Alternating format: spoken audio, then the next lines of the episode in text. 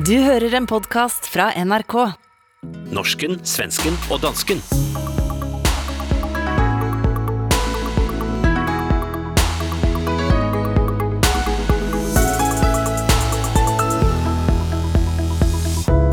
Norske politikere på ytterste højre flanke girer op valgkampen med at prøve at købe unger. Et nyt ABBA-virus spredes fra Sverige. Er abbetarerne Tegnells grusomme hævn, mens i Danmark betragtes studenter nå som ubehjælpelige unger i et eksalteret børneprogram ifølge Berlingske.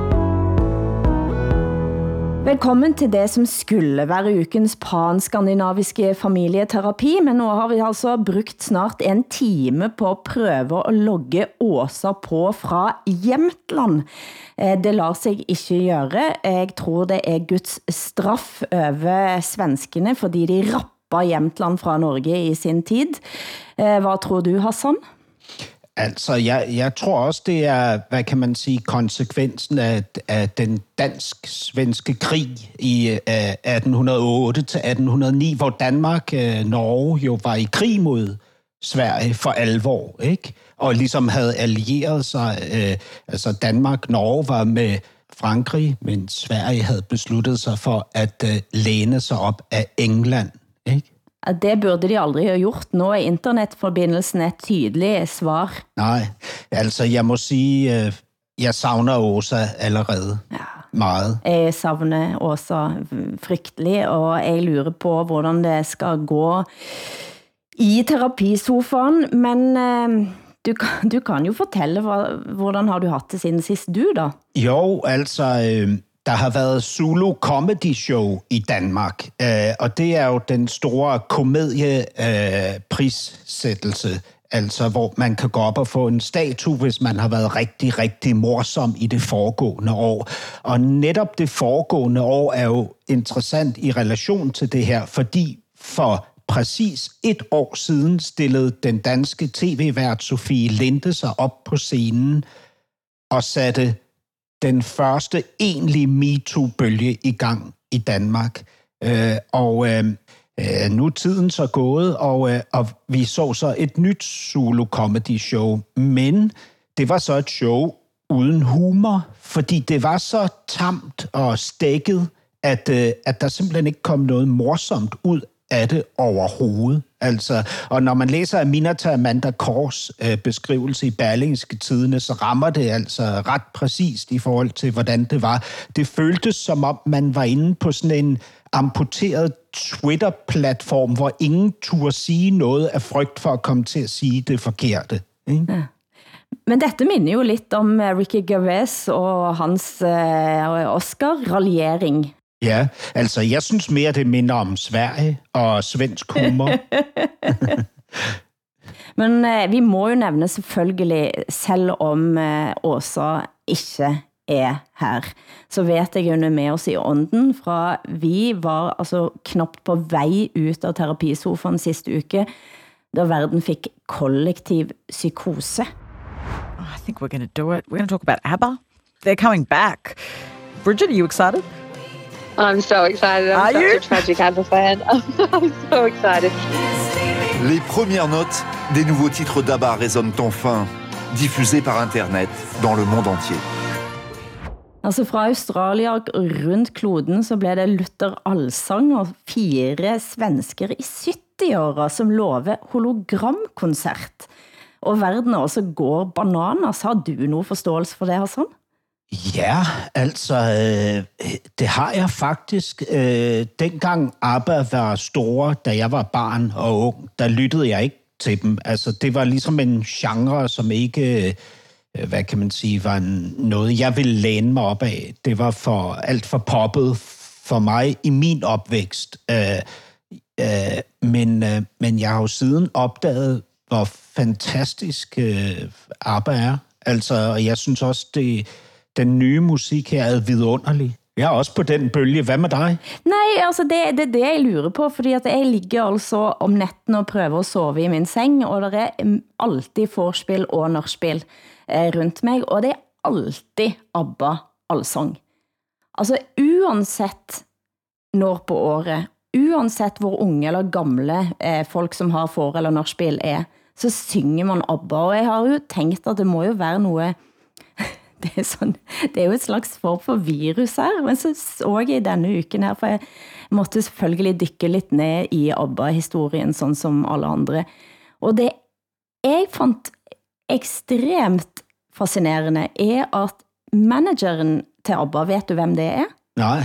Nej, og det er typisk at i, i Norge og Danmark så har vi ingen eh, mening om det. Jeg tipper at dette er noget, som alle svensker er fuldstændig klar over. Nemlig at deres manager Gørel Hanser er 72 år gammel, og jeg googler Gørel Hanser, som ser ut som en søt gammel bestemor, Og da kjente jeg at jeg blev varm om hjerterøttene, og selvfølgelig til alle svenske lyttere som måtte høre på nå, antageligvis er dette noget, som dere er så godt kjent med. Men der sitter der en, en eh, Gørel Hanser og, og, og snakker om at åh, hun har lært så mye av de unge den, de sidste månedene, om hvordan man kommunicerer, og at nu er det så enkelt. Jeg tænkte, der er noget enormt sødt skandinavisk med det. Ja, men jeg, jeg synes også, altså øh, for mig, så står ABBA for noget af det, som jeg i den svenske kultur ser som noget meget, meget solidt, altså noget robust. Ikke? Øh, Bergman, øh, Bjørn Borg, øh, ABBA, Øhm, øh, øh, Jeg synes ligesom, der er sådan noget, øh, sådan nogle, hvad kan man sige, grupper eller individer, som nærmest bliver institutioner, og nærmest bliver globale institutioner. Og det har vi jo ikke på samme måde i Danmark og Norge. Øhm. På ingen måde. I promovideoen for det nye albumet, så siger Benny Andersson om hvor de kan fremføre det nye virtuelle liveshowet sitt. There is no arena, let's build one. London is the town. Og det er sådan som en, en let høre at svensker kan sige. Det havde hørtes veldig underligt ud på norsk eller dansk. Mm. Men Hilde, nu har vi jo brugt meget tid på at tale pænt om svenskerne, og det er jo sådan, man opfører sig, når de ikke er til stede. Ikke? Uh, men vi skal huske, at det her giver os jo også i dag en helt særlig mulighed for at bashe på Sverige, fordi der ikke er nogen til at forsvare svenskerne. Ja, og hvad vil du sige? Vi har jo ikke fået sagt, det her er jo på en måde sæsondebuten i Danmark, fordi øh, det første program i denne sæson øh, forsvandt ligesom ud i luften og blev aldrig sendt i Danmark. Og det er selvfølgelig ingenting uden de danske lytterne, så velkommen tilbage i Danmark. Det er nu lagt ud på programmets øh, hjemmeside på DR, hvis øh, man som lytter vil gå tilbage og lytte til programmet for blandt andet at høre Åsas stemme, så kan man gøre det. Men på den måde kan man jo også sige, at det er meget godt, at Åsa ikke er her, fordi så får, så får jeg noget mere taletid, fordi Åsa taler meget. Ikke? Um, ja, du mener det, ja. Ja, gør du ikke det? Vil du ikke sige, at Åsa taler meget? Men altså, verdens ældste flagg for en nationalstat er fejret denne uken. Og hvilke flagg er det, Hassan? Ja, det er selvfølgelig Dannebro. Øh, I Danmark, der har vi øh, i en kort årrække haft øh, det, vi kalder flagdag. Altså, det er dagen, hvor vi fejrer Dannebro, men i relation til Danmarks udsendte, altså i relation til den krigsførende del af Danmark, altså de danske soldater. Øhm, og det har været stort i år. Jeg var, øh, jeg var til flere begivenheder, øh, hvor der var opmarcheret garder, øh, tanks og så videre. Det mindede mig om min barndom i, i Berlin. Jeg voksede op i den amerikanske sektor i Vestberlin. Der var parader og soldater og fejringer 4. juli og så videre. Nu var det simpelthen kampvogne foran rådhuset på Frederiksberg i København. Og opmarcherede soldater, øh, øh, veteraner øh, med medaljer og så videre. Øh, og sært nok, så øh, startede jeg ligesom dagen med at synes, at det var lidt tosset, men endte dagen med at være meget bevæget over øh, det her. Ikke? Men sa, sa du nå, jeg må bare høre en gang til, sa du at det var altså, en sådan ala militærparader, sådan, som man ser i helt andre type deler av verden? Jo, men, men selvfølgelig på den hyggelige måde. Ikke? En hyggelig altså, militærparade. Ja, helt klart. Så er der også noget, der har jo været nogle debatter omkring det her. For eksempel så har den højst dekorerede danske soldat ligesom valgt at lægge sine hedersmedaljer i en flyttekasse på loftet og ikke deltage i de her øh, markeringer af flagdagen.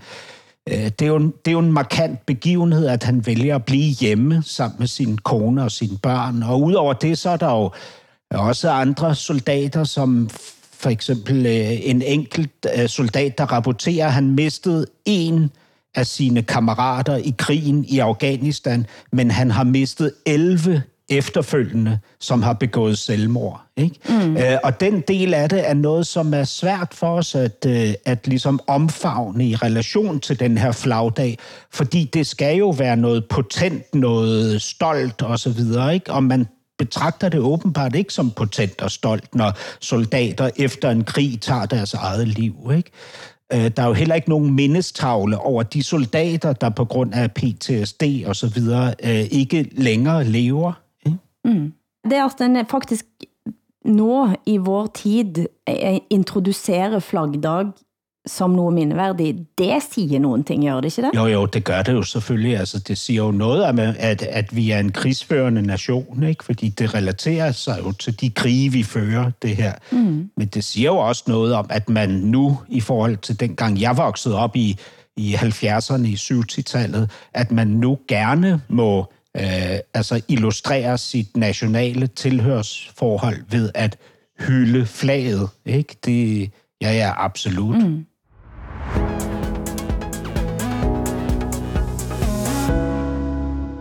Mandag går nordmænd til valg efter en underlig sprikende valgkamp. Aftenposten og Dagens Næringsliv har kappa om at ettergå stortingspolitikernes etterløn og ordninger. Aftenposten vandt foreløbig, de afslørte altså, at KRF-leder Kristelig Folkeparti sin leder Kjell Ingolf Ropstad, han har været registreret med adresse på gutterummet hos forældrene, mens han har bodd i Stortingets lejlighed på Stortingets regning med kone og barn i lejlighed i Oslo, samtidig som han altså tjente penger på at leje ut huset sitt et steinkast fra Oslo. Altså Lillestrøm, en station med flytoget Eh, på vej mot Oslo for danskere og svensker. Eh, du sa forrige uke, Hassan, at du synes at eh, norske politiske valgkamp var kedelig, men her får du også en ganske kedelig politisk skandale. Ja, Hilde, det er jo ikke, altså det er jo ikke, der er jo ikke stor spænding omkring, at, at en politiker svindler lidt med sin bolig. Altså, jeg har også en helt aktuel historie fra det medie, der hedder Frihedsbrevet, om en uh, tidligere mini- socialminister og nuværende kandidat til uh, borgerrepræsentationen i København for Socialdemokratiet, Manu Saren, som øh, er ude i noget fakserier med nogle boliger, som han ligesom køber i sit eget navn og leger ud til sig selv og så videre. Ikke? Det, det er standard. Ikke? Altså vores, øh, hvad kan man sige, skandaler øh, omkring politikerne i Danmark er øh, væsentligt mere markante, synes jeg. Altså om det ikke er bolig, Lars Løkke har været på luksuscampingtur. Ja, det er rigtigt. Han har været ude at køre i en autocamper, som er blevet stillet til rådighed for ham. Men det er jo sådan noget, Lars Løkke kan. Han kan jo øh, øh, opnå afsindig gode priser øh, på lejligheder og øh, autocamper og så videre. Det er et, øh, et særskilt talent, han har. Du hører norsken, svensken og dansken. Programmet blir sendt i Danmarks Radio, Sveriges Radio og Norsk Rikskringkasting. Filmen har kommet, som skal redde danske biografer. Ternet Ninja, altså rutete ninja for norske og svenske lyttere. Etter danske kinoer tabte 20 millioner kroner i fjor, er det altså en animert tøjdukke, som skal få fart på billetsalget. 900 000 så Ternet Ninja 1. Hassan, hvad er dette? Ternet Ninja 1 øh, var, øh, blev produceret for nogle år siden og kørte i biograferne med en gigantisk succes. Ternet Ninja er en animationsfilm, som er lavet af komikeren Anders Mattesen. Og det er, altså, etteren var en meget, meget, meget fin øh, fortælling om en dreng og, og en, en lille superheltefigur, som øh, øh, får den her dreng til at udvikle sig frem mod det, han gerne selv vil være. Øh, altså en meget, meget smuk historie. Og nu er Ternet Ninja 2 altså kommet. Og øh, ifølge øh, manden bag filmen, Anders Mattesen, så er der allerede nu problemer i relation til Sverige. Fordi Sverige har, har bedt om, at man i filmen ikke viser rødvinsglas. Ja, Og komikeren Anders Mattesen er så blevet spurgt om, hvordan han vil forholde sig til det. Øh, og så siger han så, øh, jo, det vil vi gøre ved at skide på svenskerne. aha. Og hvordan har han tænkt at gøre det helt konkret? Jeg tror ikke, man skal tage det bogstaveligt. Jeg tror, han mener, at han ikke vil klippe øh, øh, filmen om for at tilfredsstille øh, det svenske behov. Jeg tror ikke, det handler om, at han reelt vil skide på svenskerne. Men dette er jo en, eh, dette er jo en klassisk eh, svensk historie, men det som er forunderlige er jo at det er så forfærdelig mange andre ting, man kunne ha reageret på i Ternet Ninja. Den er for eksempel eh, full av vold og splatter og dop. Men rødvinsglas, der går altså grænsen for svenskerne. Ja, ja. Ja, og, og man kan ellers sige i tiden, at øh, svenskerne har svært ved at finde deres egne grænser. Øh, for eksempel så har svenskerne jo brudt den, øh, altså den nordiske union, øh, enhedsunion i forhold til VM i Katar, hvor de nordiske lande samlet er gået ud med en kritik og nogle øh, bestemte ting, vi vil gøre, og ting, vi ikke vil gøre. Ikke? Svenskerne har nu besluttet sig for at træne i Katar op til VM, og svenskerne er ret pragmatiske om det her. Den svenske landstræner siger, at øh, vi får spillet på nogle gode stadioner, og jeg tror, at det kan være en fordel at have været der før VM.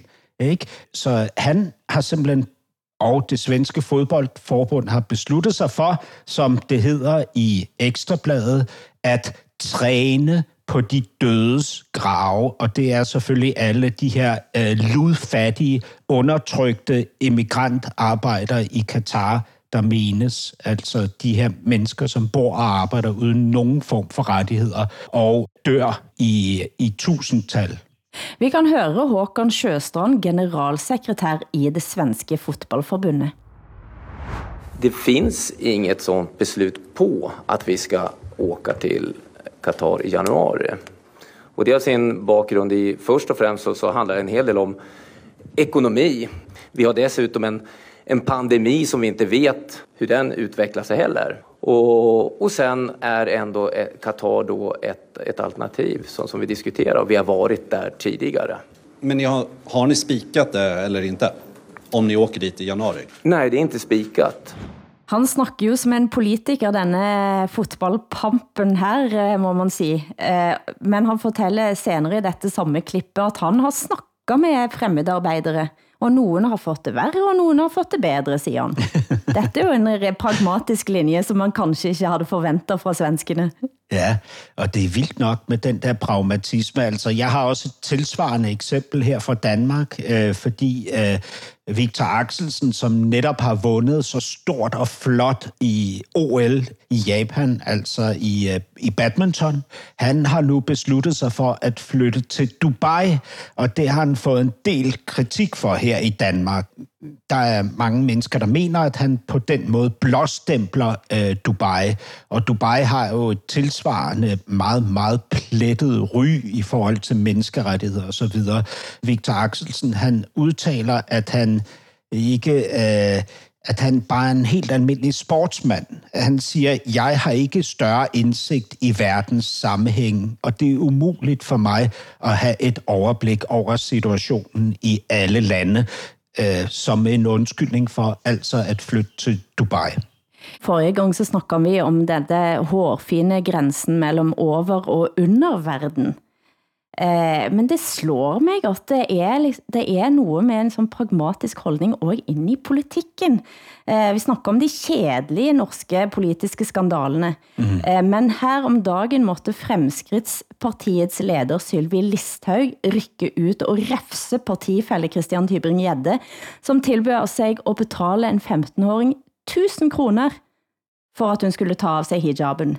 Det meget ytterliggående højrepopulistiske partiet Alliansen gik enda længere på stand på skole og tilbød elever penger for at nægte at ta vaccine.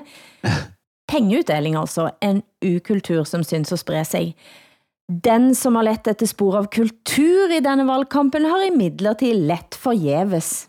Eh, og det fik mig til at lure på, om kultur nogen gang får noget plads i eh, den danske og den svenske valgkampen? Altså, jeg, jeg synes jo, vi har set også under corona, at, øh, at svenskerne faktisk har valgt øh, meget tidligt og, og meget solidt at holde hånden under øh, kulturlivet i Sverige. Både økonomisk og retorisk. Det er jo ikke tilfældet i Danmark. Det vil komme så meget bag på mig, hvis kultur politikken kom til at blive en del af den næste valgkamp i Danmark. Det virker fuldstændig usandsynligt, at det skulle ske. I, I tiden er det jo sådan, at hvis du skal have øh, succes, hvis du skal markere dig som et parti, der interesserer sig for det brede Danmark, så skal du samtidig bashe lidt på kulturen. Ikke? Mm. Øh, eller i hvert fald kultureliten. Og den trend vil fortsætte. Hvad med Norge? Nej, men det er jo netop, det har jo været totalt fraværende. Det er gjort uh, undersøgelser uh, i uh, regi av Institut for Samfundsforskning. 2009 var det all-time high av folk som nævnte kultur som en vigtig uh, valgsak. Ja. Og det var, du kan tippe hvor mange all-time high var. Hvor mange procent? Uh, fem. 1,1 procent. ja. ja.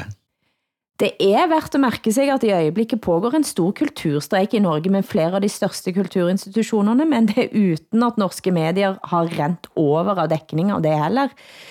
Premiere og forestillinger aflyst akkurat når verden skulle åbne op igen. Altså, jeg tilhører jo, øh, hvad kan man sige, kultur- eller kunstlivet her i Danmark, og altså, der er jo også noget virkelig, virkelig sært i den måde, vi, vi virkelig ønsker at blive omfavnet af staten på, både økonomisk og opmærksomhedsmæssigt. Ikke? Altså, vi, øh, vi sidder jo der som kunstnere og klager vores nød, når vi ikke får penge af staten eller opmærksomhed af staten. Ikke? Mm. Og det er jo et paradoks. Altså på en måde, så, så kan man i hvert fald sige, at den øh, kunst, som jeg i, i den fortid, jeg har studeret, har beundret allermest, har jo netop været den kunst, der har, der eksisteret uafhængig af, af magten, ikke? Eller i oprør mod magten. Mm. Altså øh, i, i, i det mindste i intelligent modstand til magten. Ikke? Og, og det, det er jo lidt som om, i, i de her nordiske lande, når vi taler kunst og kultur og stat og så videre, at vi ligesom, at vi ønsker, at vi skal have en mere øh, prominent position mm. i det statslige apparat, ikke? Altså, det er jo en, det er jo en tendens eller en, en udvikling, der er sket øh, både for kulturlivet, men også for medierne, ikke? hvor man ligesom sådan oplever, at det hele fletter sig tættere og tættere sammen, ikke? og magten og magtkritikken bliver ligesom en del af det samme store plørede game, ikke? som man ikke længere kan finde rundt i, og som ikke længere har nogen funktion andet end at tilfredsstille de individer, som står på de her platforme inden for kunst, kultur, medier og magt. Ikke? Øh, og det, det, er da, det er da trist, deprimerende, altså uselt. Hvis Åsa havde været her, så ville hun sikkert have citeret uh, eh, en Twitter-melding, som kom fra Göran Persson, tidligere statsminister i, i Sverige. Han twitterer veldig sjelden. Han twitterer, at den næste svenske, altså lederen av socialdemokratiet, burde være et menneske, som kan sin litteratur jeg har ikke den tweeten helt present, men altså det handler rett og slett om at han mente at lederen av socialdemokratiet burde være et kultivert menneske, som jo er et statement, Og jeg tænkte på, at vi har jo nå en eh, mand, som står på valg som leder av Arbeiderpartiet i Norge. Han, mens han var utenriksminister, så var han eh, ganske tydelig et kultivert menneske eh, som satt på litteraturfestivaler og, eller, og festspillene i Bergen og havde stort anlagt samtaler om Dag Solstad på scenen på DNS. Eh, den Jonas Gahr Støre forsvandt i det øjeblikket han blev partileder. Og det er næsten som man kan tænke sig, at det, er, det vil være en skade for Arbeiderpartiet, om denne kultiverte mannen Støre kom frem igen, som viser sig at være en boklæser. Ja, det er som om, øh, øh, når man, øh, hvis vi ser på vores socialdemokratiske regering i Danmark, så er det nærmest som om, at de kun læser bøger i hemmelighed. Ikke? Så en gang imellem ved en fejl kommer Mette Frederiksen, vores statsminister, til at tage en selfie, hvor man ser, at hun rent faktisk har en bogreol. Ikke? Fordi det, det, som altid har den prominente position i hendes selfies, det er det, som er bredt, almen, øh, alment og folkeligt. Ikke? Altså makralmad frem for østers. Altid. Ikke? Øh, og det vil sige absolute music øh, frem for øh, litteratur. Ikke? Og så videre. Og, og det er jo... Øh, Altså, jeg, jeg tror, det er en strategi. Jeg kan ikke forestille mig, at de her mennesker øh, aldrig læser bøger, eller ser opera, eller går til ballet, eller, eller øh, dyrker finkulturen på nogen som helst måde. Jeg tror, det er noget, de foregiver. Ikke? Øh, og det er jo egentlig sjovt, at man skal være øh, skabskunst interesseret i, det, i den moderne politiske virkelighed. Fordi de største socialdemokrater, som grundlagde Kunstfonden, for eksempel i Danmark, Julius Bomholdt osv., de var jo altså litterater, de var jo højt begavede øh, øh, mennesker med stor øh, øh, øh kunstnerisk og kulturel indsigt. Ikke? Den danske politiker Nasser Kader virker længe til at kunne overleve alt i dansk politik. For to uker siden kom nådestøtet. Jeg mener ikke, at Nasser Kader kan være medlem af det konservative Folkeparti. Nasser Kader er fortid hos de konservative. Derfor indstillede jeg i går til vores forretningsudvalg, at Nasser Kader ekskluderes fra det konservative Folkeparti. Det var der enstemmig opbakning til. Dette var fra Gjenstart 20. Eh, august, og du hører Jens Blix og Søren Pape Paulsen. Eh, og Hassan, kan du give os lidt bakgrund, både hvem er Kader, og hvad har egentlig skett siden? Altså, Nasser Carter er, er politiker. Han startede i det radikale venstre, bevægede sig over øh, flere partier, blandt andet et Øh, Øh, parti, han selv grundlag, over i det konservative Folkeparti, hvor han så har været indtil for nylig. Uh, han, han er en meget, meget, meget markant øh, politiker herhjemme, og det er han nok primært, fordi han har øh, øh, taget bladet fra munden i forhold til at øh, kritisere øh, indvandrermiljøerne og øh, islam. Øh, det, det er sjældent, man oplever det, øh, og slet ikke i det omfang, han har gjort det. Og det har jo gjort ham meget populær i nogle miljøer, og meget upopulær i nogle andre miljøer. Øh, og det, det er jo øh, naturligt sådan, at der øh, har siddet en masse mennesker og, og hvad kan man sige, er håbet på, at, at det her ville ske for Nasser Carter en eller anden dag. Øh, nogen vil sige, at det skulle ske for retfærdighedens skyld, og andre vil jo garanteret også mene, at det skal ske, fordi at de er dybt, dybt uenige med manden og føler sig krænket over hans øh, øh, politiske aktiviteter gennem mange år det er mit bud. Jeg synes i hvert fald, der er mange, øh, altså det er et, et, altså der er meget splittelse i forhold til, hvordan folk forholder sig til ham. Men grunden til, at han måtte gå nu, for først så blev han jo altså kastet, som vi hørte fra pressekonference her, øh, fra sitt eget parti, og så går det en liten stund, øh, og så kommer Vikenavisen øh, med den rapporten, som endelig fældte øh, Kader øh, som er altså et advokatskrift. Altså det er en, et, en rapport, som øh, viser masse vittnesbyrd ifra kvinder, ja. eh, som har mødt Nasser Kader og blitt behandlet på ganske fælt vis. Altså, det er jo en advokatundersøgelse, som uh, Nasser Carters parti uh, i gang satte på baggrund af alle de her rygter, der havde været uh, gennem mange, mange år. Ikke? Og på baggrund af en undersøgelse, som Danmarks Radio havde foretaget uh, over fire år, eller ikke en undersøgelse, en øh, afdækning. Ikke?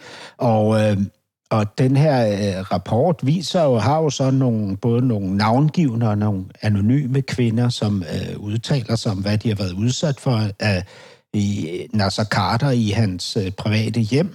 Øh, og, og, og, og, og det sager er jo så øh, i den her sammenhæng, at øh, Weekendavisen har fået udleveret den her rapport, som kun findes i to fysiske eksemplarer. Mm. Øh, og man ved ikke helt, hvor Weekendavisen har fået den fra, fordi de jo selvfølgelig påkalder sig kildebeskyttelse. Mm. Det, er jo, det er jo sært, det her, ikke? Altså, øh, det, det adresserer jo mange ting. Det adresserer jo både den, den konflikt, der ligesom er omkring Nasser Carter, som både handler om noget med indvandring, muslimer, hvordan skal vi ligesom se på dem? Skal vi være positivt åbne, øh, inkluderende, eller skal vi være kritiske øh, og, og, og øh, ekskluderende, ikke? Øh, når, når vi ser noget, vi ikke er enige i. Mm. Men, men det, det handler også om øh, højre venstrefløj i det her. Ikke? Nasser Carter har jo bevæget sig fra det radikale venstre, som ideologisk på den tid i hvert fald øh, på mange områder var på venstrefløjen, til nu at være konservativ og nok være i den højre øh, orienterede del af det konservative folkeparti oven i købet. Ikke? Mm. Øhm, og så, og så handler det jo også om det her med MeToo. Ikke? Hvad, hvad er ligesom gyldige grunde til, at at et menneske skal have annulleret sit liv. Hvad med sådan en advokatundersøgelse? Fungerer den? Altså, er den rimelig og retfærdig? Er det, er det øh, hvad hedder det, bund nok for, at man skal øh, slettes fra øh, den eksistens, man havde før i tiden? Ikke? Eller skal man til domstolene? Det er jo det, Nasser Carter siger nu, at han håber vil ske, ikke? det er, at, man, at det bliver en politisag, og man kan få det afgjort ved domstolene, det her. Ikke? Altså, for en kan jo lure på, hvordan og hvorfor sånne saker tar så lang tid. Og journalist Sofie Rie i DR, som havde jobbet med saken i fire år, beskriver sammen med Anders eh, Svendsen, kollega, hvad som gik gennem hodene deres, da de konfronterte Kader. Sofie, du har brugt næsten fire år på den her historie. Hvorfor har det taget så lang tid? Det er jo en magtfuld mand, en øh, profileret person gennem to årtier, det er meget, meget alvorlige anklager, der kommer imod ham. Så jeg har virkelig forsøgt at gøre alt, hvad jeg kunne for at sandsynliggøre, at det her faktisk har fundet sted. Og det tager jo bare tid. Hvordan reagerer Nasser Carter, da du interviewer ham? Jamen, da vi sidder derinde, der kan man selvfølgelig godt mærke på ham, at det er alvorlige anklager, som vi præsenterer ham for. Men vi kan også allerede der mærke, som også man kunne høre på ham efterfølgende, at han afviser det meget markant han bliver nærmest vred, når han skal afvise de her ting, og, og jeg kan huske, han siger simpelthen det her med, jeg vil ikke finde mig i det her. Eh, det store spørgsmål selvfølgelig, eh, som de er så vidt innom, at når det er store magtfulle mennesker, så tar det også lang tid, eh, fordi at der er så mange ting, som står på spil, synes jeg at høre her. Øh, øh, det er jo sandt, hvad hun siger, at det er alvorlige anklager, det er et magtfuldt menneske. Selvfølgelig er det sandt. Ikke? Men der er jo også, øh, nu, nu er jeg forholdsvis ny i mediebranchen. Jeg kommer over for det der kunstliv, som vi talte om for et øjeblik siden. Øhm, men jeg har i mediebranchen set noget som over de seneste år, som jeg øh, ikke troede var sådan. Og det er jo en en form for underlig parallel virkelighed, hvor man går rundt i de her bobler, mediebobler, øh, med historier om en virkelighed, som man ikke fortæller. Altså, der er de historier, man fortæller, og så er der dem, man ikke fortæller. Og det kan, det kan selvfølgelig være, fordi anklagerne er alvorlige, at man undlader at fortælle historierne. Men det er også som om, at der er sådan en sær form for perversitet omkring det her med at vide noget, som ingen andre ved. Ikke? Og så kan man mm. gå og dele sin insight-viden. Ikke? Øh, og, og og, og de her historier forbliver ligesom interne i rigtig, rigtig mange år. Jeg siger ikke nødvendigvis, at Nasser Carter-historien er en del af det her, men det var også min fornemmelse, ikke, da jeg startede i det her, ikke? og jeg fik at vide, sådan øh, på gangen øh, på mm. de forskellige steder, jeg arbejdede, at øh, hey Hassan, ved du godt, at Nasser Carter er sådan en, der krænker kvinder, ikke? Øh, det hørte jeg jo flere gange undervejs, ikke? Og, og mit, mit første spørgsmål var selvfølgelig, jamen, hvordan kan han være det, øh, uden at det kommer frem? Mm. Ikke? Altså, hvorfor fortæller man ikke historien, ikke? Jo, men det er svært, og der er ikke beviser, og jeg kan ikke, øh, kilderne vil ikke træde frem, og så videre. Det er jo, det er jo legitime øh, årsager det hele, men, men der foregår også en besynderlig form for sladder, og en besynderlig form for øh, beskyttelse af hinanden, altså i relation til sådan nogle alliancer, nogle klaner, klikker, man tilhører, at der er nogen, der har ens ryg.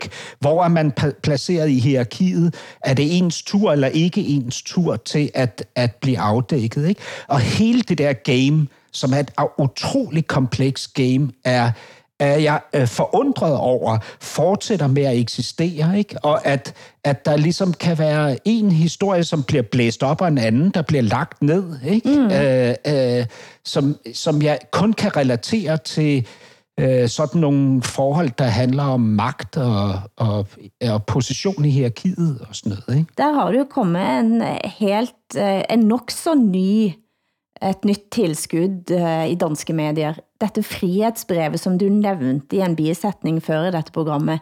Mm. Uh, og kan ikke du bare sige, hvad er egentlig frihetsbrevet? Jeg har prøvet at kigge lidt på det, og det er Mats Brygger, som står bak, og han må du også præsentere, rett og slett? Ja, Mads Brygger er øh, er jo chef for Frihedsbrevet. Øh, Frihedsbrevet er et øh, nyhedsmagasin, som øh, dagligt præsenterer historier på sin øh, internetplatform. Ikke? Mads Brygger kender jeg også fra min tid i Radio 24 hvor han var min chef over i programafdelingen. Øh, jeg, jeg har jo ikke kendt ham som journalist på den her måde, øh, som jeg ser ham øh, være nu, fordi programafdelingen ligesom ikke stod for journalistisk indhold. Så det er noget nyt for mig at se ham arbejde på den her måde, og så alligevel ikke, fordi jeg har jo læst hans bøger og set hans film. Ja, og filmer han har jo lagt, han har jo været sat sig i situationer, som er helt vilde. Ja, han har jo lavet den vildeste film om mordet på Dag Hammarskjöld, for eksempel, ikke? og øh, han, har, han har introduceret en muldvarp ind i Nordkorea, øh, altså vi, virkelig vilde ting. Ikke? Og givet sig ud for at være diamanthandler i Afrika. Altså for mig, som jeg indrømmer, altså det er kanskje den jeg tænker, der udsætter han sig vældig for fare. Det har han gjort, ja. Og spørgsmålet er, om han ikke med frihedsbrevet har udsat sig for en endnu større fare. Fordi det Mads Brygger gør med de journalister, han har hos sig selv, som blandt andre øh, er øh, Flemming Rose, som øh, norske og svenske lytter kender fra øh, Mohammed-krisen, øh, karikaturkrisen øh, i sin tid. Øh, han var øh, dengang øh, kulturchef på Jyllandsposten og trykte de famøse øh, tegninger. Øh, men, men Flemming Rosa er så en af de ansatte på Frihedsbred. Men, men altså, det, det der jo ligesom sker på Frihedsbred, det er, at her fortæller man de historier, som ingen andre fortæller. Altså alt det, der ligesom har cirkuleret som rygter øh, og så videre, det kommer nu øh, frem i dokumenteret form. Ikke? Og det er ret overraskende, øh, men, men det er jo også noget, som vil isolere Mads Brygger øh, endnu mere, end han har været, fordi han gør sig uvenner med alle altså med regeringen, med det Berlingske Hus, altså som et af de største mediehus herhjemme, med Danmarks Radio. Altså han kaster sig ligesom ud i at fortælle den sandfærdige, øh, fra, hans pers- fra sit perspektiv, den sandfærdige historie om uretfærdighed, ikke? Øh, hver gang, uden noget filter. Og så modtager han heller ikke statsstøtte. Det gør ham jo også øh, uafhængig, kan man sige. I Norge styres jo de store medierne av redaktørplakaten eller Vær varsom-plakaten, som regulerer bruk av kilder, for eksempel, eller sørger for at den tilslutter sig journalistisk etisk praksis. Mm. På den andre siden så har en blogger eller alternative medier, som for eksempel Reset i Norge, som bevæger sig på højresiden, og som har et andet forhold til kildebruk og en helt anden type kommentarfelt. Hvordan skiller egentlig frihetsbrevet sig ut? Ja, det, det, altså, jeg, jeg kan måske bedst illustrere det gennem et eksempel på en historie.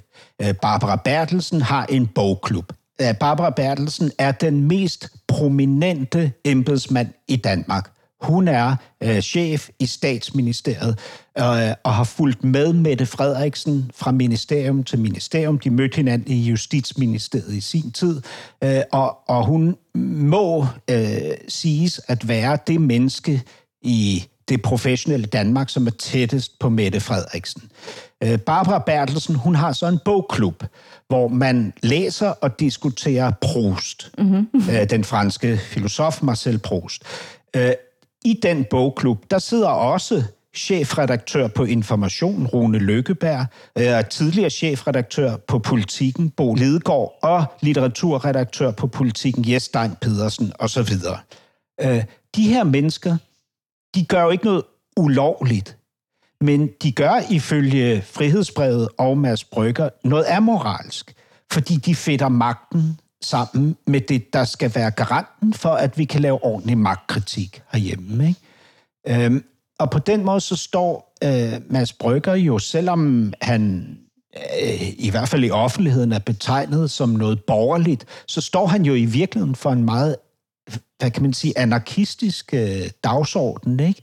Øh, når han på den måde hele tiden bedriver magtkritik. Ikke? Hvis vi snakker om eh, kultur og mangelen på kultur i politikken, så burde man tænke, at det var en veldig fordel, at man havde et menneske så nær magten som læser Proust. Ja, ja, jo, det kan du sige. Jo, jo, men... Øh, ja. Altså i Norge har vi et tilsvarende, eller et andet type eksempel fra Dagens Næringsliv, som er blevet ganske mye debattert i det sidste. Eh, det viste sig, at det en gæng med rikinger eh, med Øystein Strøys Betalen, som er en, eh, en av de mægtigste investorerne i Norge, som har altså en gruppe på WhatsApp, Eh, og så ber de om rykter eh, om eh, Bart Eide, for eksempel, som er en av de magtfulle arbeiderpartimennene. Er det nogen, som har noget på han? Eh, så drar de op eh, sladderhistorier om Støre, og, mm. og så gør Dagens Næringsliv om det om til eh, en vigtig sak på, over, over mange sider i avisen, yeah. eh, over hvor ille dette er. Eh, og så tænker jeg, at den type grupper findes jo sikkert både til højre og til venstre, og ja, det, er, det, det var ikke en særlig begavet eh, diskussion, eh, man fik refereret fra der. Men det fine er jo, at det kommer for en dag. Det er jo grejt at vite, at det er sådan. Og det er grejt at vite, hvem som snakker med hvem. Ja, og, og, og for mig er det jo virkelig interessant, fordi øh, når nu vi talte om Nasser Carter-sagen lige før, hvorfor kommer det frem nu? Hvorfor det hammer ikke en anden? Øh, mm. Historien ligesom bliver afdækket omkring og så videre. Ikke? Så er det jo noget med, at jeg har jo hele tiden haft en fornemmelse af, at der var noget andet, der afgjorde, om man skulle øh, stå eller falde, end mm. det reelle, der var sket. Ikke? Der var altid ligesom en anden dagsorden, noget underlæggende, noget, noget helt tredje, der ligesom lå til grund for, om, om, om hvilken retning det skulle gå. Ikke? Mm. Og det her helt tredje, det er jo noget af det, jeg ligesom synes, frihedsbrevet på så mange områder får illustreret. Ikke?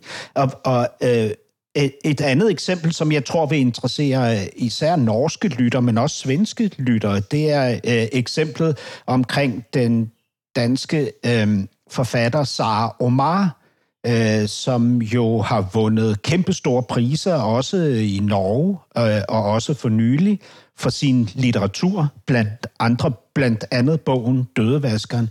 Øh, Sara Omar øh, bliver ligesom gennem frihedsbrevet øh, ja, man kan jo ikke sige det på anden måde, end at hun bliver skildret som en svindler. Altså, hendes øh, litteratur er hun jo fri til at øh, skrive, som hun vil, fordi hun skriver jo fiktion. Men hele historien om Omar, som hun selv har været med til at komponere sammen med sit forlag, viser sig gang på gang, når frihedsbrevet undersøger den, ikke at være sand. For svenske og norske lyttere, Sara Omar har skrevet to romaner, som har fået stort gennemslag, og her Dødevaskeren og Skyggedanseren. For sin historie om den kurdiske jente Fremesk har jo fått mange priser, og selv har jeg været til stede i sal med mange unge kurdiske jenter, som har takket Sara for at hun har fortalt historie, de kan kende sig igen i. Mm.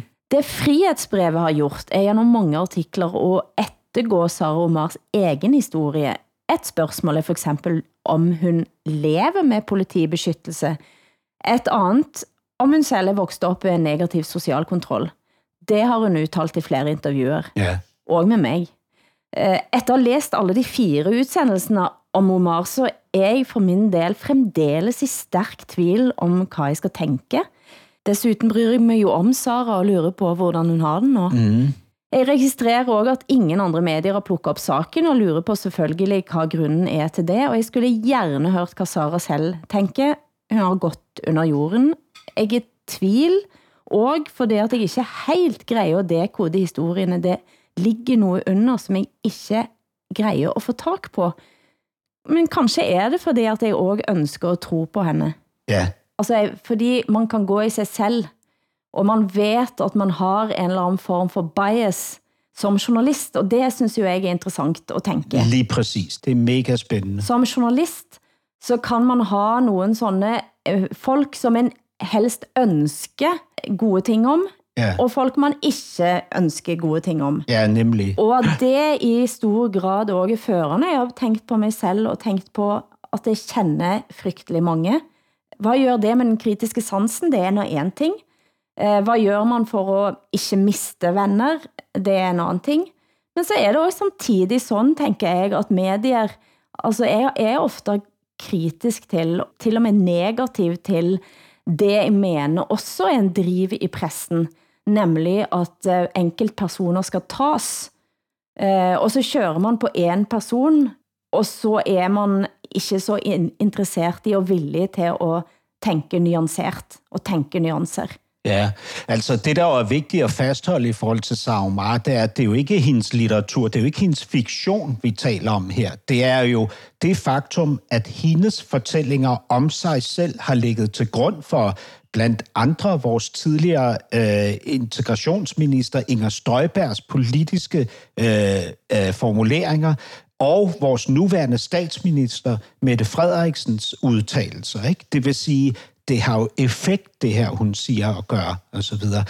For mit vedkommende, Hilde, så er, er det jo også personligt, ikke? fordi jeg, øh, som du ved, øh, har anden etnisk baggrund. Jeg har en far, som kommer fra Pakistan, og der er jo noget frustrerende, man ser som øh, brun dansker, øh, og det er, at der sker en besynderlig øh, omfavnelse af nogle øh, bestemte figurer fra indvandrermiljøerne. Altså det er som om, at der ligesom, at man, man, man tilgår dem sådan fuldstændig ukritisk.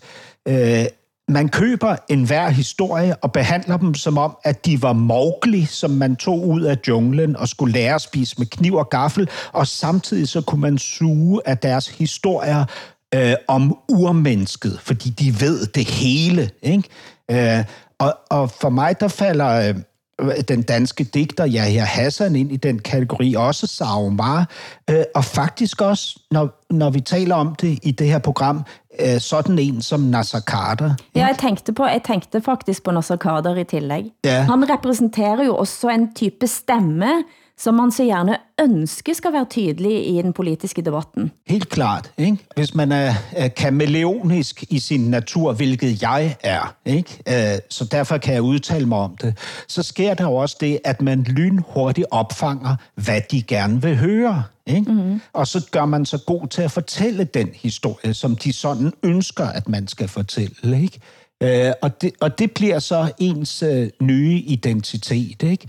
Øh, og, og når den historie så vokser ind over hovedet øh, en dag, ikke, så er det, at man får alvorlige problemer. Og jeg har fandme også været tæt på, at det er vokset mig over hovedet. Jeg har også løjet omkring min, øh, min sikkerhedssituation. Ikke? Ja, det, har- det, har du jo, det har du jo sagt. Ja, ja, det valgte jeg så at sige efterfølgende, ikke? fordi jeg kunne godt se, det kommer ikke til at gå godt, hvis det fortsætter det her. Ikke? Du hører norsken, svensken og dansken. Programmet blir sendt i Danmarks Radio, Sveriges Radio og Norsk Rikskringkasting. Saken om et 20 år gammelt uopklart drap i Norge har taget en ny vending, og mye tyder på at vi også står overfor den største retsskandalen i moderne tid. 17 år gamle Birgitte Tengs kom aldrig hjem efter fest på bedehus en natt i 1995. En 19-åring blev arresteret, Hennes fetter Han blev senere frikendt, men ikke av familien. Sist uke blev en ny mand arresteret, sigtet for to drap av unge kvinder. DNA-spor blev afgørende. Onsdag denne uken pågrep eh, politiet en mann siktet for eh, drapet på Birgitte Tengs. Denne personen eh, er det politiet har tidligere omtalt som en kandidat, og har vært avhørt som vittne i denne saken tidligere. Vi hørte politiinspektør Lars Ole Berge præsentere funnene til Cold Case-gruppen. Tengs-saken var den første saken, som blev tatt op av denne gruppen, som altså også blev etableret i 2016, og de har jobbet i fem år. Og her er historien en anden om altså, hvad vi ønsker skal være sant og ikke. For dette er jo en familietragedie av dimensioner. I alle år har forældrene til Birgitte Tengs ifølge bistandsadvokaten likevel været sikre på, at det var fetteren, altså som var 19 år den gangen, som var drabsmand. Han blev tatt, og så tilstod han efter afhørsmetoder, han nå har gått bort fra, Siden blev han frikendt, men altså likevel dømt til at betale erstatning til forældrene. Han har aldrig kunnet jobbe i Norge, mens mannen, som nu er sigtet, var inne i bildet allerede den gangen, men blev tjekket ut av saker. Og han blir nå efterforsket for eh, andre forhold, men altså to drap. Ja. Jeg var faktisk til stede i retssalen, da fetteren blev frikendt. Eh, og det at sitte i en retssal med to familier, som rett og slett ikke kan forholde sig til hverandre, ikke se på hverandre, og med en gutt, som fremdeles da var superung, mm. og som en ser i øjnene på eh, de, som sitter på den andre siden, at de tænker, at denne mannen har taget livet av min datter. Og så går det altså 20 år. Og så er det en mand, som allerede den gangen var inne i saker, som bliver tjekket ut. Det er selvfølgelig en retsskandale muligens, den største retsskandale, hvis, hvis han blir eh, dømt. Eh, men det siger nogen ting også om, hvilken kraft det er i de fortællingene, som man vælger at tro på. Alt ifra altså etterforskningsledelsen den gangen, som trodde, at de havde taget en drabsmand, som får han til at eh, tilstå. Det siger nogen ting om vår eh, enorme evne, tænker jeg, for at skabe os historier. Ja, jeg ved godt, det ikke er direkte relateret, men på en måde så får jeg bare lyst til ligesom at trække en tråd tilbage til det, vi talte om for et øjeblik siden, fordi altså den, den, jamen, altså den største moderne europæiske retsskandale er jo sagen mod Dreyfus, altså den mm. jødiske officer i den franske her, ikke? Hvor, øh, hvor, hvor hele Altså, det, det var jo ikke kun retsvæsenet eller øh, magten, der ønskede at få ham dømt. Det var hele Frankrig, ikke? Altså, fordi tidsånden ligesom øh, trængte til en syndebuk, ikke? Og, og, og så sagde man ligesom øh, generelt i nationen, sagde man, jamen, hvorfor, hvorfor dog gå med retfærdigheden, mm. når sammenhængskraften er væsentligere, ikke? Jeg er jo bare chokeret over at finde ud af, hvor, øh, altså, hvor tæt på mig det er, hvor stor en del af min professionelle eksistens det har været, hvordan jeg har bidraget og deltaget øh, i lige præcis det der, ikke? Og at jeg lige pludselig skal, at jeg skal frigøres, ikke? Mm. Øh, øh, igen og igen, for at kunne øh, undlade at, at blive en del af det, ikke? Øh, jeg har sagt det før, mennesker i flok er frygtelige. Altså, vi, vi bliver til monstre, når vi begynder at marchere, ikke? Mm. Og det er der eh, vi skal fortsætte vårt eget eh, frihetsbrev, et skandinavisk eh, frigjøringsrum, og håber selvfølgelig at ha Åsa tilbage igen næste uke. Men vi må lette op stemningen her lidt, Hassan. Hør her.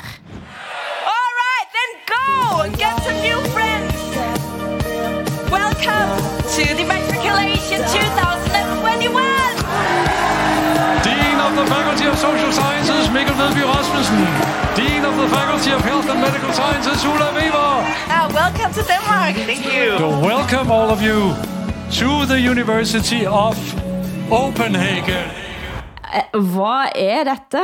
Welcome to Copenhagen, siger Ja, rektor altså. her. Ja.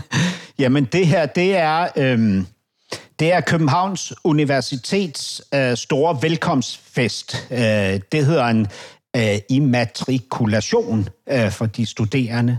De, de har jo simpelthen valgt at, at, at gøre det her ved hjælp af en tidligere Ramachan-vært, altså fra Danmarks Radios øh, børnekanal, og lave det her show som sådan, hvad kan man sige, en slags øh, introduktion af nogle fantasifigurer, som hopper op på scenen for, foran de studerende, som så hujer og råber, ikke? Øh, og og det, det man jo lidt glemmer, når man ser på den her film fra det her, den her begivenhed, det er, at det er voksne mennesker, det er dekaner, professorer, ikke? som hopper rundt på den måde, og at de mennesker, der står og klapper og råber og hujer og sådan noget, det er faktisk studerende ved Københavns Universitet. Altså, øhm, og der, der er bare en ret fantastisk øh, rapport øh, skrevet af Søren Jacobsen Dam i Berlingske Tidene for det her, ikke? hvor han... Øh, hvor han simpelthen beskriver det som noget af det værste, han nogensinde har set. Øh, det her. Ikke? Altså den her måde at, øh, at barnsliggøre tingene. Ikke? Og, og jeg må jo indrømme, at jeg som har været våken natt efter natt med abalsang og narspil og forspil og digre boombox marscherende i gaten, der jeg får lyst til at blive ta på min, min ældste paryk og, og gå ut og skælde, så var det en nydelig læsning, at også danskene reagerer på dette.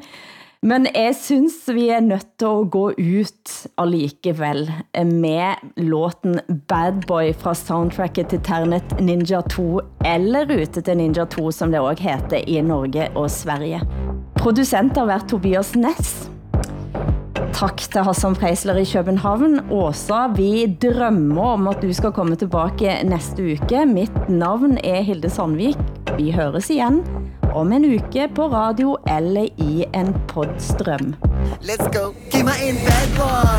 Jeg siger det bare lige. Jeg har brug for en fyr, der er farlig. Med store muller, med store tats. En, der kører scooter og træner i sats. Og som kan sætte mig på plads, og som hviler i sig selv. Ja, så må han også godt være bare en lille smule kriminel. Ligesom Marco, ja, ham der sælger narko. Og han er bare god. Hashtag familie gå fra Malaco. En, der går efter guld, fordi han tager det. En, der kan slås for sin kvinde, ja, og gør det. Og han skal have fuld skæg. Og Gucci og guldkæder. Og så skal han også en af de der små skuldertasker i læder. Og ja, man purse. Ej, men det er så frækt. Jeg tror, jeg besvimer. Uh, splash. Vift mig lige. Vi er slemme piger, vi er slemme drenge. Søde kærester holder ikke længe. Jeg hader, når du kalder mig for skat. Tag fat det, jeg vil have en bad boy. Vi er slemme piger, vi er så slemme drenge. Måske du synes, vi lyder helt vildt streng. Men pas af med dit barn, så er dit nat. For jeg er en bad bitch, og jeg vil have en bad boy. Så nu siger du bad, hvor bad skal han være? Du har hørt en podcast fra NRK. De nyeste episodene og alle radiokanalene hører du i appen NRK Radio.